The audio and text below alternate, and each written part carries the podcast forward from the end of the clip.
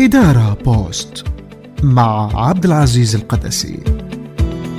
سلام وطابت أوقاتكم أعزائي. هذه حلقة جديدة من بودكاست إدارة بوست وهي حلقة ضمن حلقات سلسلة قيم القادة المؤسسين التي نستخلص من خلالها أهم قيم المؤسسين لأشهر الأعمال والمؤسسات والبيوتات التجارية أو العائلية في الوطن العربي وعالميا.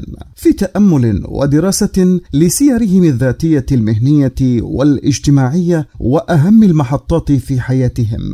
نتفكر في كيف صنعت هذه القيم والمبادئ النجاحات على أرض الواقع. كيف تحولت إلى ممارسات ونظم وأسلوب عمل نجد فيها مثالا يقتدى وعبرا ملهمة تحفزنا وتدفعنا إلى ما هو أفضل. قائدنا المؤسس في هذا اللقاء هو قائد في العمل الخيري الاجتماعي الإنساني في مجال الصحة. تقلد أرفع الأوسمة والألقاب. أطلق عليه الجمهور في بريطانيا لقب ملك القلوب. ومنحته الملكة إليزابيث الثانية لقب فارس في عام 1992 كان سببا في إنقاذ قلوب ملايين الأطفال وإعطائهم فرصة أخرى للحياة. ولقب بمنقذ القلوب وملك القلوب. يصفه أحد المعلقين على فيديو له في يوتيوب.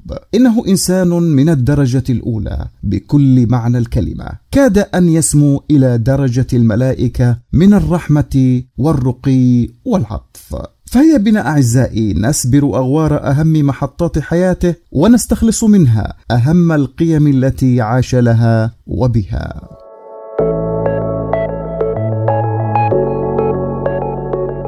اولا قيمة الانتماء. يعيش السير مجدي يعقوب. قيمة الانتماء كقيمة حاكمة تتجلى في مشاريعه وأعماله الخيرية. الطبيب المصري الذي لمع نجمه في الغرب وحقق نجاحات أبهرت العالم في مجال جراحات القلب والصدر. على الرغم من بعده ومغادرته للوطن لم يفارقه شعور الانتماء والارتباط بالوطن والتعلق به والسعي للمشاركة في خدمته تطوعا وخيريا إذا ما سنحت الفرصة أو دعي لها. سافر من موطنه مصر وهو محمل بحب وطنه والاعتزاز به والإعتراف بفضله. لم ينسى ظروف بيئته الصعبة في مجال رعاية أمراض القلب وما يعانيه الناس هناك. يحكي أنه قرر التخصص في جراحة القلب.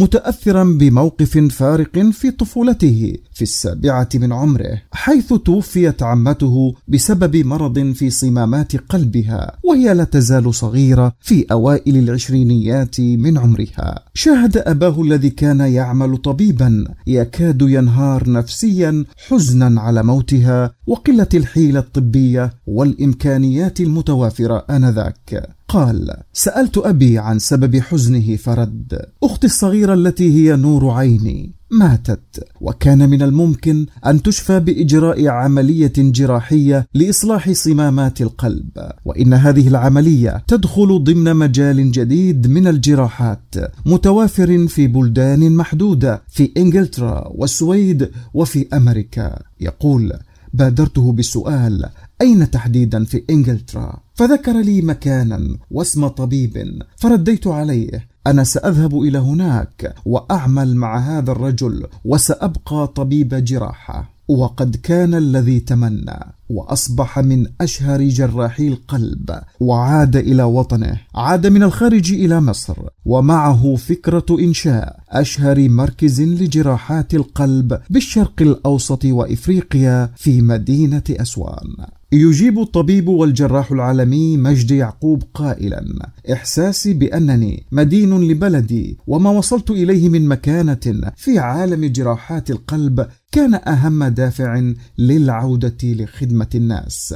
اخترت اسوان للمشروع لأنني أعشق هدوءها وجمالها وتاريخها المميز فهي مركز إلهامي. يضيف شعرت بأنه من حق وطني علي وواجبي أن أعود لأفيد أهل بلدي بما تعلمته ومارسته بالخارج. ومنذ عودتي مد الجميع لي يد العون لإنجاح المشروع. ولد قائدنا المؤسس في مصر في السادس عشر من نوفمبر عام 1905 35 في مدينة بلبيس بمحافظة الشرقية. تتلمذ ودرس فيها وحصل على تعليمه الطبي في جامعة القاهرة وتأهل كطبيب في عام 1957 حيث قرر أن يتخصص في جراحة القلب. في عام 1962 غادر الدكتور يعقوب مصر وانتقل إلى بريطانيا وبدأ حياته المهنية في أفضل وأحدث المستشفيات في بريطانيا بمستشفى الصدر بلندن.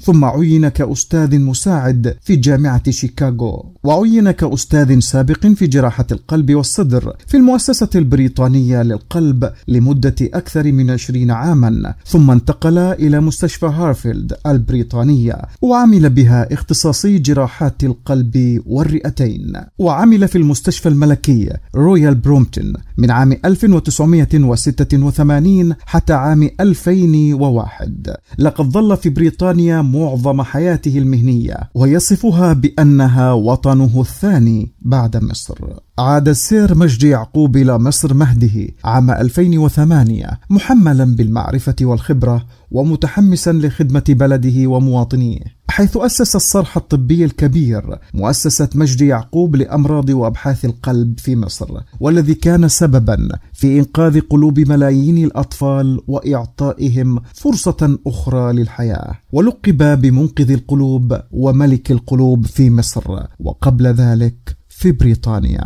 في إحدى لقاءاته التلفزيونية يقول: كانت فكرة العودة تراودني منذ مدة طويلة جدا، وخصوصا إلى أسوان، فقد عشت فيها سنة واحدة في طفولتي، وأعجبت بها بجمالها وهدوئها وعراقتها التاريخية وجوها النقي، ولا أنسى ناسها الذين كانوا في أمس الحاجة لخدمات طبية. يقطعون سفرا مسافات طويلة ومجهدة من جنوب مصر ليتلقوا الخدمات الطبية المتخصصة في القاهرة. ويضيف أشعر أني مديون جدا لبلدي. لقد تعلمت هنا وهناك من ضحى لأجلي كي أتعلم وتتوافر لي الفرص.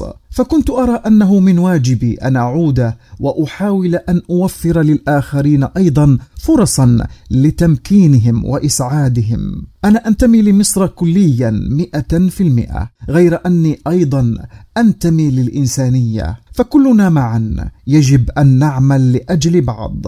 على الرغم من ارتباطاتي المهنية وسفرياتي الكثيرة لبلدان العالم المختلفة إلا أن سعادتي أجدها هنا في مصر لأنها بلدي ولا أعرف لماذا. ربما لأني أنتمي لها عاطفيا ووجدانيا. كانت أهم ثمرات عودته إلى وطنه.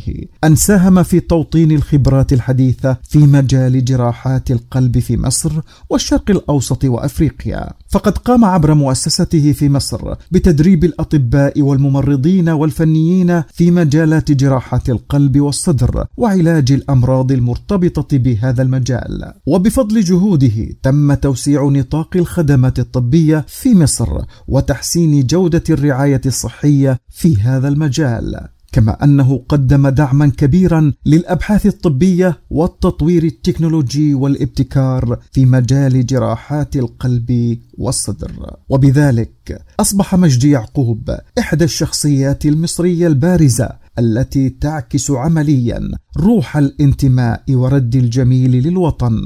وأضحى رمزا من رموز إنسانية الطب والعمل الخيري وملهما للكثيرين للسعي إلى تطوير وتحسين مستوى الرعاية الصحية في بلدانهم.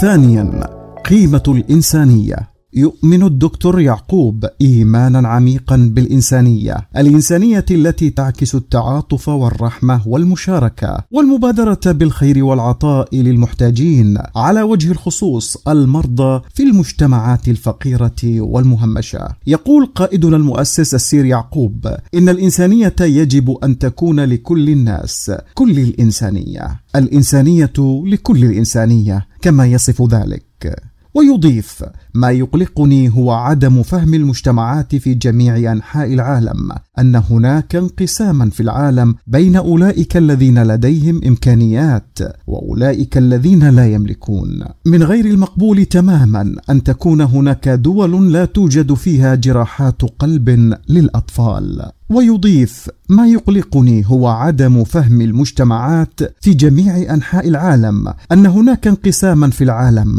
بين أولئك الذين لديهم إمكانيات وأولئك الذين لا يملكون. من غير المقبول تماما أن تكون هناك دول لا توجد فيها جراحات قلب للأطفال. تتضح معالم الإنسانية في شخصية السير مجدي يعقوب في مبدأين أساسيين يؤكد عليهما على الدوام هما العمل الخيري وتحقيق العدالة والمساواة لمرضاه. يرى أن الناس متساوون ويجب أن يحصلوا على أفضل الخدمات التي يقدمها العلم والمتوافرة في بلدان العالم المتقدمة. لذلك توفر مؤسساته الطبية جميع الخدمات مجانا وهو مبدأ لن يتنازل عنه كما يؤكد. يقول إن الاكتشافات الحديثة الطبية لا تطبق ولا يستفيد منها إلا 18% من المرضى في العالم بينما النسبة الباقية أكثر من 85% لا تصلهم هذه الخدمات. وهذا أمر لا يقبل. إن مسألة المساواة والعدالة بين البشر أمر يجري في دمي وأؤمن به. يؤكد قائلا إنه على الرغم من تحديات الإمكانيات المالية وغير المالية التي نواجهها في مؤسساتنا إلا أننا لن نبعث يوما ما لأحد مرضانا فاتورة خدمة فوقتها سيشعر الناس بعدم المساواة وفقدان الثقة. يعمل السير مجدي يعقوب بروح الإنسانية يبذل الخدمة والعطاء للمحتاجين والمرضى في جميع أنحاء العالم دون تفرقة أو تمييز بين لون أو دين أو جنسية. وهو ما يؤكد أنه يرى في كل مريض إنسانا يستحق الحياة والشفاء. يقول لا نفرق بين المرضى بين شخص وآخر أو نميز بينهم ما لونك ما شكلك ما دينك أو جنسيتك ليس لنا علاقة بهذا الأمر. أنا في خدمة الإنسانية وكل من يعملون في مؤسساتنا يؤمنون بهذه الرسالة. إننا نقوم بخدمة للمرضى والعلم فالطب هو رسالة لخدمة الإنسانية. يتمتع بصفات الرحمة والتواضع ويحظى بحب واحترام من مرضاه وهو يعتقد أن الرعاية الصحية يجب أن تتمحور حول المريض كإنسان وأن على الأطباء دائما. إعطاء الأولوية لعلاقة الطبيب بمريضه. يؤكد على زملائه وطلابه ضرورة التعامل مع المريض كإنسان وليس فقط كمريض يتلقى العلاج فقط. يقول علاقة المريض بالطبيب مقدسة. الطبيب هو مسؤول عن حياة إنسان. يجب أن يعرف ما هو الإنسان. هو لا يعالج مرضا. هو يعالج انسانا لديه مرض. لذلك تتجلى سلوكياته كطبيب إنسان ذي إحساس وتعاطف تجاه مرضاه وأسرهم.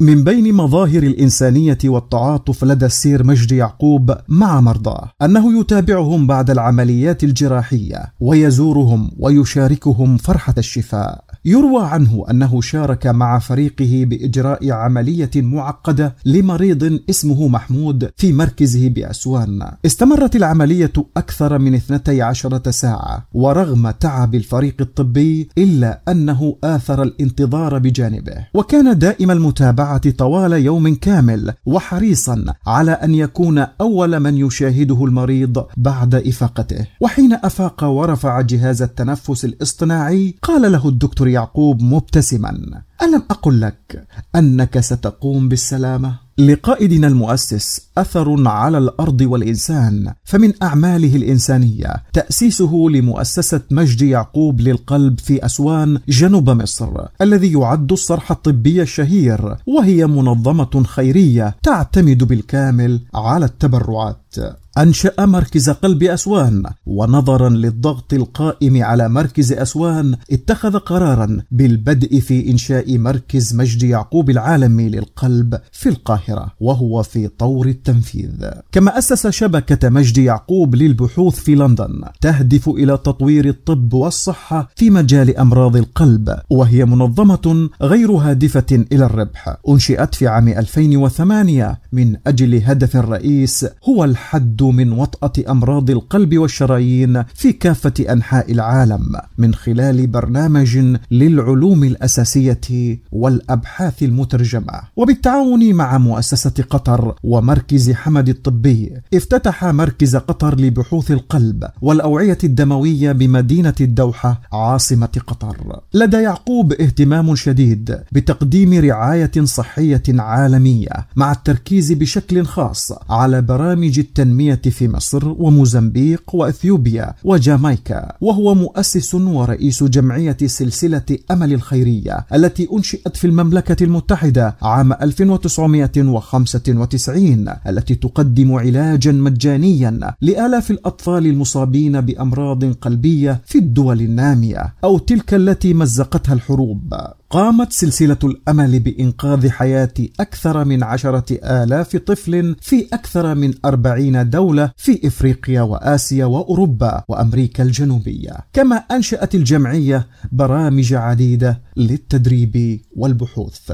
لقد كرس الدكتور يعقوب حياته لخدمة المرضى وإنقاذ حياة ملايين الأشخاص حول العالم وخاصة الأطفال المصابين بأمراض القلب الخلقية في كثير من الأحيان. الآن قام بتضحيات شخصية كبيرة. لقد أجرى عددا لا يحصى من العمليات الجراحية على مرضى من جميع أنحاء العالم. وأنشأ عيادات ومراكز في بعض أفقر مناطق العالم. اختار السير مجد يعقوب العمل الخيري التطوعي بدلا من المال أو السلطة. يجد سعادته في خدمة الإنسانية. يقول لدي سيدان اثنان فقط في حياتي. أنا في خدمتهما المريض والعلم.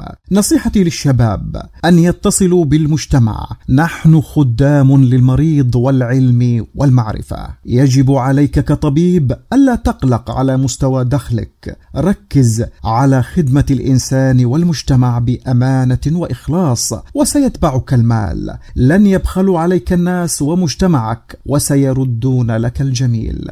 يخشى السير يعقوب اليوم الذي لا يستطيع تقديم خدمته للآخرين. سألته المذيعة في إحدى حواراته ما الذي يخاف منه الدكتور مجدي يعقوب؟ فيرد ما أخشاه أنني لا أستطيع العمل بما يكفي لخدمه الإنسانية ولأنه كرس حياته في خدمه الإنسانية. لا تفاجأ أن يعلق أحدهم على حوار له على منصة يوتيوب قائلا إنه إنسان من الدرجة الأولى بكل معنى الكلمة. يكاد أن يسمو إلى درجة الملائكة من الرحمة والرقي والعطف.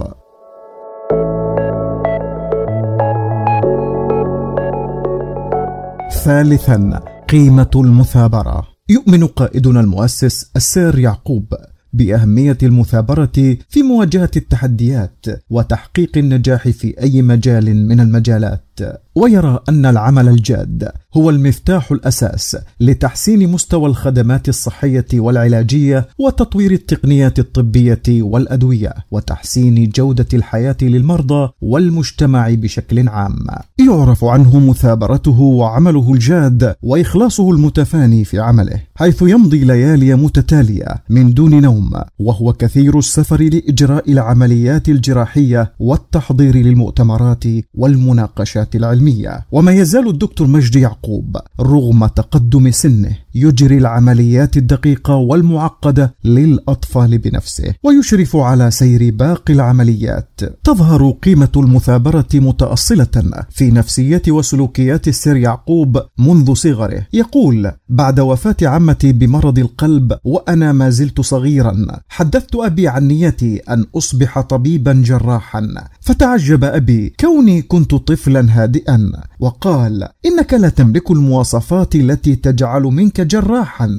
يكرر مجدي يعقوب ومنذ ذلك الموقف صممت أكثر على تحقيق أمنيتي. وأن يكون هذا طريقي الذي سأسلكه. كنت كثير الاجتهاد والعمل قليل الكلام. يواصل حديثه لقد واجهت كثيرا كلام المثبطين في مصر وإنجلترا. كلاما يبعث على الإحباط واليأس من تحقيق أحلامي.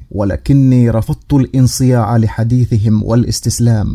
أرد اتركوني وشأني. وظللت أعمل بحب وشغف وتمسكت بما أؤمن به. وهو اليوم أعزائي من أشهر جراحي القلب في العالم. أثبت للجميع أن لا شيء مستحيل عندما يتعلق الأمر بالإرادة والعزيمة والإخلاص في العمل. تتميز مثابرة قائدنا المؤسس بأنها مثابرة مدعومة بالتخطيط الدقيق المسبق سواء عند إجراء عملياته الجراحية. أو التخطيط لتوسعة عمله الخيري المؤسساتي بإنشاء مشروعات جديدة تقدم الخدمات البحثية أو الجراحية أو إنشاء فروع جديدة للمؤسسات التي يديرها، كما أنه يشرف وما زال على تدريب وتأهيل جيل جديد من الأطباء والباحثين في مجاله. إن مثابرة السير مجدي يعقوب هي مثابرة تستند إلى رؤية واضحة وهدف نبيل وقبل ذلك إيمان عميق بأن المثابرة والعمل بجد يجب أن تكون أسلوب حياة والسبيل إلى تحقيق النجاحات. لذلك لا تتعجب حين يبوح بأمنيته قائلا أتمنى ألا تفتر همتي إنه أسلوب حياتي الذي أستمتع به. في مقابلة أجراها في فبراير الماضي 2023 صرح قائلا دون العمل تتوقف حياتي فالعمل يمنحني سعادة عالية وخصوصا في سن هذا الثامن والثمانين كما ينقل عنه قوله كل إنسان لو كان يعمل بجد ومثابرة وإيمان بنفسه سينجح تحت أي ظرف وفي أي مكان.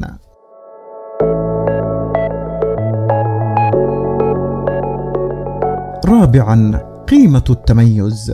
كان وما يزال السير مجدي يعقوب عنوانا للتميز حيث يسعى دائما إلى تحقيق الأفضل في كل ما يقوم به وتحقيق الإنجازات المميزة والفريدة من نوعها وهي قيمة مهمة جدا في الحياة العملية والشخصية حيث تحفزنا على السعي للتميز والاهتمام بالتفاصيل والجودة والتعلم والتحسين المستمر. ومن بواعث تميزه أنه من أشد المدافعين عن الابتكار في مجال الرعاية الصحية. إنه يعتقد أن المهنيين الطبيين يجب أن يبحثوا باستمرار عن طرق جديدة وأفضل لتشخيص وعلاج الأمراض. وكان في طليعة المبتكرين للعديد من التطورات الرائدة في مجال رعاية القلب واستحداث أساليب جديدة تساعد وتنمي مهارات الجراحين بما يجعل عمليات القلب أسهل مما كانت عليه سابقا.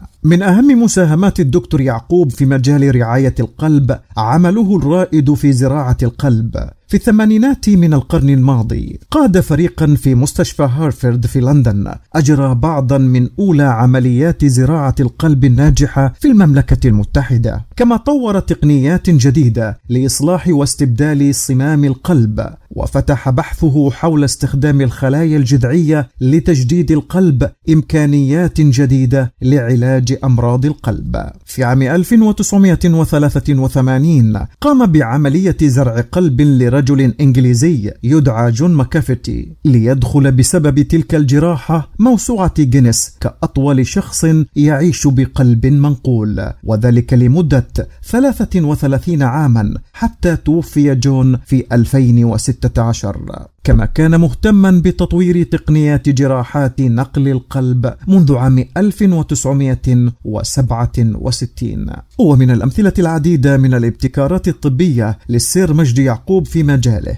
ما يلي؟ إجراء أول عملية زراعة قلب في بريطانيا عام 1980 وثاني عملية زراعة قلب في العالم بعد الدكتور كريستيان برنارد عام 1967 في جنوب إفريقيا. كما أجرى أول عملية زراعة قلب مزروع داخل صدر طفلة بعد تعافي قلبها الطبيعي عام 1984 تطوير جهاز التصوير بالرنين المغناطيسي لدراسة حركة القلب مما سمح بالتشخيص الدقيق والسريع لأمراض القلب. أيضا تطوير جهاز لزرع الصمامات القابلة للانحناء والتي يمكن إدخالها بسهولة وتثبيتها في القلب دون فتح الصدر وتطوير تقنية لزرع الخلايا الجذعية في القلب التي تهدف إلى إصلاح الأنسجة التالفة وتحسين وظائف القلب. بالإضافة لمساهمته في مركز هارفرد لأبحاث القلب ببريطانيا واستحداثه أساليب مبتكرة للعلاج الجراحي لحالات هبوط هبوط القلب الحاد كما عمل على تأسيس البرنامج العالمي لزراعة القلب والرئة. يسجل له أنه أول من ابتكر جراحة الدومينو التي تتضمن زراعة قلب ورئتين في مريض يعاني من فشل الرئة. وفي الوقت نفسه يؤخذ القلب السليم من المريض عينه ليزرع في مريض ثاني. قدم الدكتور مجدي يعقوب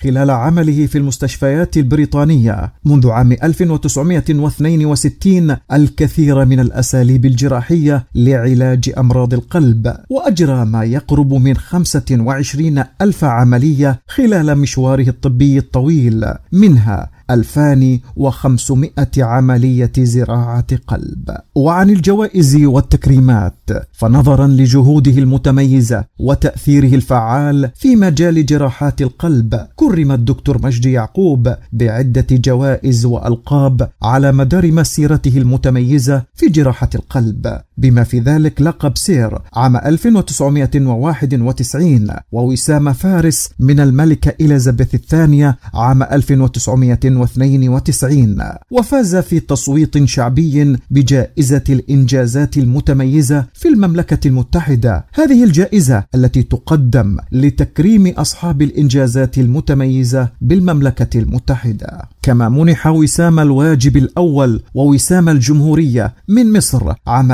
1988 وحصل على ألقاب ودرجات شرفية من جامعات عديدة حول العالم. في عام 2007 منح جائزة فخر بريطانيا بحضور رئيس الوزراء جوردن براون والجائزة تمنح للأشخاص الذين ساهموا بأشكال مختلفة من الشجاعة والعطاء أو ممن ساهم في التنمية الاجتماعية والمحلية. وبعدها بسنوات في يناير 2011 منح قلادة النيل العظمى من قبل الرئيس المصري تكريما لجهوده المتميزة والمخلصة في مجال جراحة القلب. وتعد قلادة النيل العظمى أعلى الأوسمة الرسمية التي تمنح لرؤساء الدول ولمن يقدمون الخدمات الجليلة للوطن والإنسانية. وما زال قائدنا جراح القلب العالمي يعقوب أطال الله في عمره وهو في سنوات عمره الثمانين مهووسا بشغف البحث عن كل جديد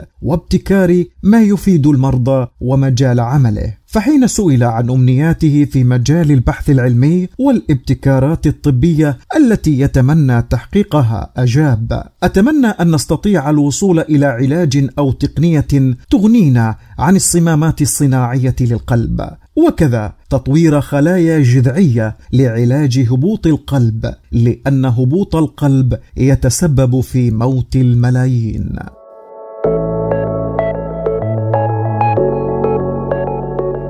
خامسا قيمة التعلم والبحث العلمي. ليس ببعيد عن قيمة التميز برز اهتمام السير مجدي يعقوب بالبحث العلمي كأسلوب وأداة نذر حياته لأجله إيمانا منه بأنه السبيل لتحسين جودة الحياة وتطوير الرعاية الصحية والتقنية الطبية في مجال جراحات القلب. كما ذكرنا سابقا هو يرى أن لديه سيدان في حياته المريض والعلم. فكرس حياته لخدمتهما. ولا عجب أن يرتبط منذ نعومة أظفاره بحب العلم والبحث العلمي. فقد نشأ في أسرة تقدر التعليم. كان والده طبيبا وكانت والدته معلمة. وكلاهما غرس فيه حب التعلم واحساسا قويا بالمسؤولية الاجتماعية. فبالإضافة إلى عمله الخيري يعتبر الدكتور مجدي يعقوب من أشد المؤمنين بقوة التعليم. وقد شارك في تدريب وتوجيه المهنيين الطبيين والطلاب في مصر ودول أخرى. وهو يعتقد أن العلم ضروري لبناء نظام رعاية صحية قوي وتحسين رعاية المرضى. يقول أبدأ يومي فجرا بمتابعة كل جديد في مجالنا الطبي بقراءة الأبحاث العلمية الصادرة والاكتشافات المستحدثة علنا نستطيع تطبيق ما هو ممكن منها في مؤسساتنا. أو نرى ما الذي يمكن أن نسهم فيه أو نضيفه علميا في هذا الأمر. حرص قائدنا السير يعقوب عند إنشاء مشاريعه الخيرية العلاجية الطبية إلحاقها بمراكز تطوير وأبحاث وتعليم في مجال جراحة القلب. يقول نحرص على إجراء البحوث العلمية من أجل تحسين العمليات والعلاجات ونساعد في التقدم العلمي. وينصح دائما زملائه وطلابه أن يكون التواضع العلمي سمتهم البارز وألا يغتروا بما قد يحقق من إنجازات علمية. يقول العلم ليس له نهاية أو قمة. كلما تقدمنا في العلم اكتشفنا أن هناك الكثير من المجهول الذي يجب اكتشافه. كلما ظننا أننا قد وصلنا تظهر لنا أسئلة لا نجد لها أجوبة. العلم ليس له نهاية أو قمة. كلما تقدمنا في العلم اكتشفنا أن هناك الكثير من المجهول الذي يجب اكتشافه وكلما ظننا أننا قد وصلنا تظهر لنا أسئلة لا نجد لها أجوبة.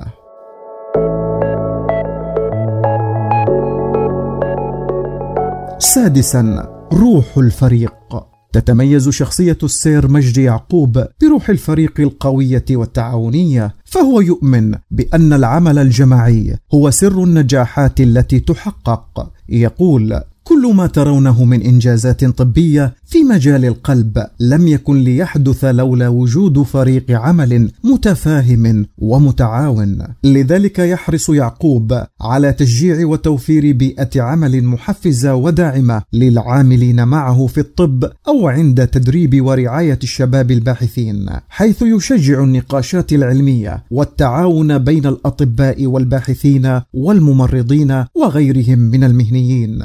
ففلسفته في تطوير الأطباء الذين يتتلمذون على يديه أو الملتحقين ضمن فرقه تقوم على بناء طبيب وعالم متواضع وإنسان قبل كل شيء ليس فقط طبيبا ماهرا.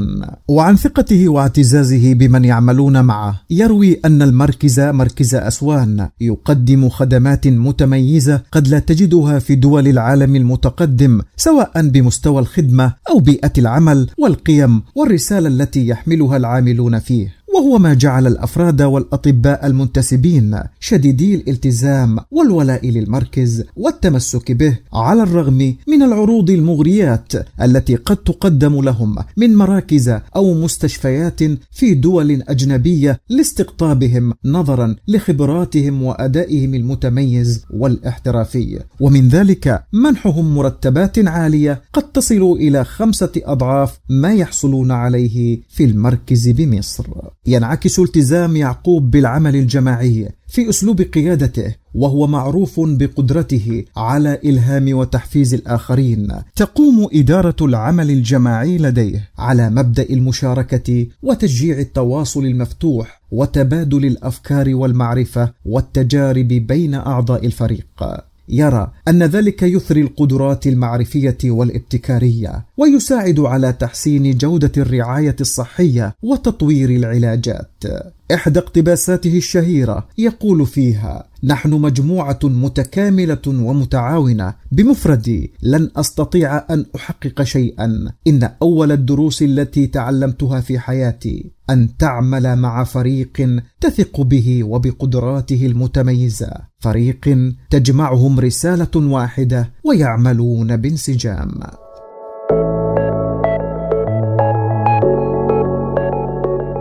سابعا قيمة الاستدامة. تتجلى قيم أخرى. في حياة السير مجدي يعقوب ومن ذلك حرصه على قيمة الاستدامة فهو دائم التفكير على فكرة الاستدامة وألا تنقطع استدامة العمل الخيري وتقديمه للناس دون مقابل. ويكرر في مقابلاته ذكر تحدي استدامة العمل الخيري الطبي والحفاظ على تقديم الخدمات الطبية والعلاجية للمحتاجين على المدى الطويل وتحسين جودة الحياة للمرضى والمجتمعات المستفيدة وتشمل استدامة العمل الخيري الطبي إجراءات مثل تحسين كفاءة استخدام الموارد وتبني التقنيات الحديثة والمستدامة في تقديم وتنظيم الخدمات الطبية وتحسين التدريب الطبي. وعلى وجه الخصوص يركز السير يعقوب على الاستدامة المالية لمشاريعه. لذلك فهو حريص على تنمية الموارد المالية وتنويع مصادر التمويل من خلال عدد من الوسائل كالتبرع وأدواته المختلفة أو دفع الزكاة وغيرها من الوسائل كما أنه حريص في مشروعاته على أن يتم ذلك وفق نظم محاسبية وإدارية وحوكمة مؤسسية واضحة وشفافة.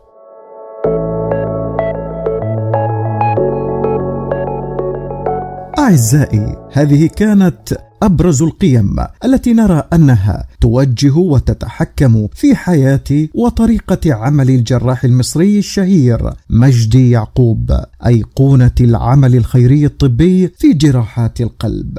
نكرر التأكيد على أهمية مثل هذه القيم فرديا ومنظميا فهي بمثابة الحمض القيمي الذي يجب أن يورث للأفراد تنظيميا ليتأسوا بهذه القيم وتصبح نهجا وخططا وبرامج عمل إدارية وتنظيمية. ويمكننا تقديم الخبرة والاستشارة الإدارية في هذا الجانب لاكتشاف قيم أبطالكم المؤسسين وترجمتها ثقافة مؤسسية في أنشطة تثقيفية وتدريبية وقواعد وإجراءات وسياسات. لا تنسوا متابعة الحلقات السابقة من قيم القادة المؤسسين. إلى لقاء جديد يجمعنا بكم في بودكاست إدارة بوست. دمتم في رعاية الله. إدارة بوست مع عبد العزيز القدسي.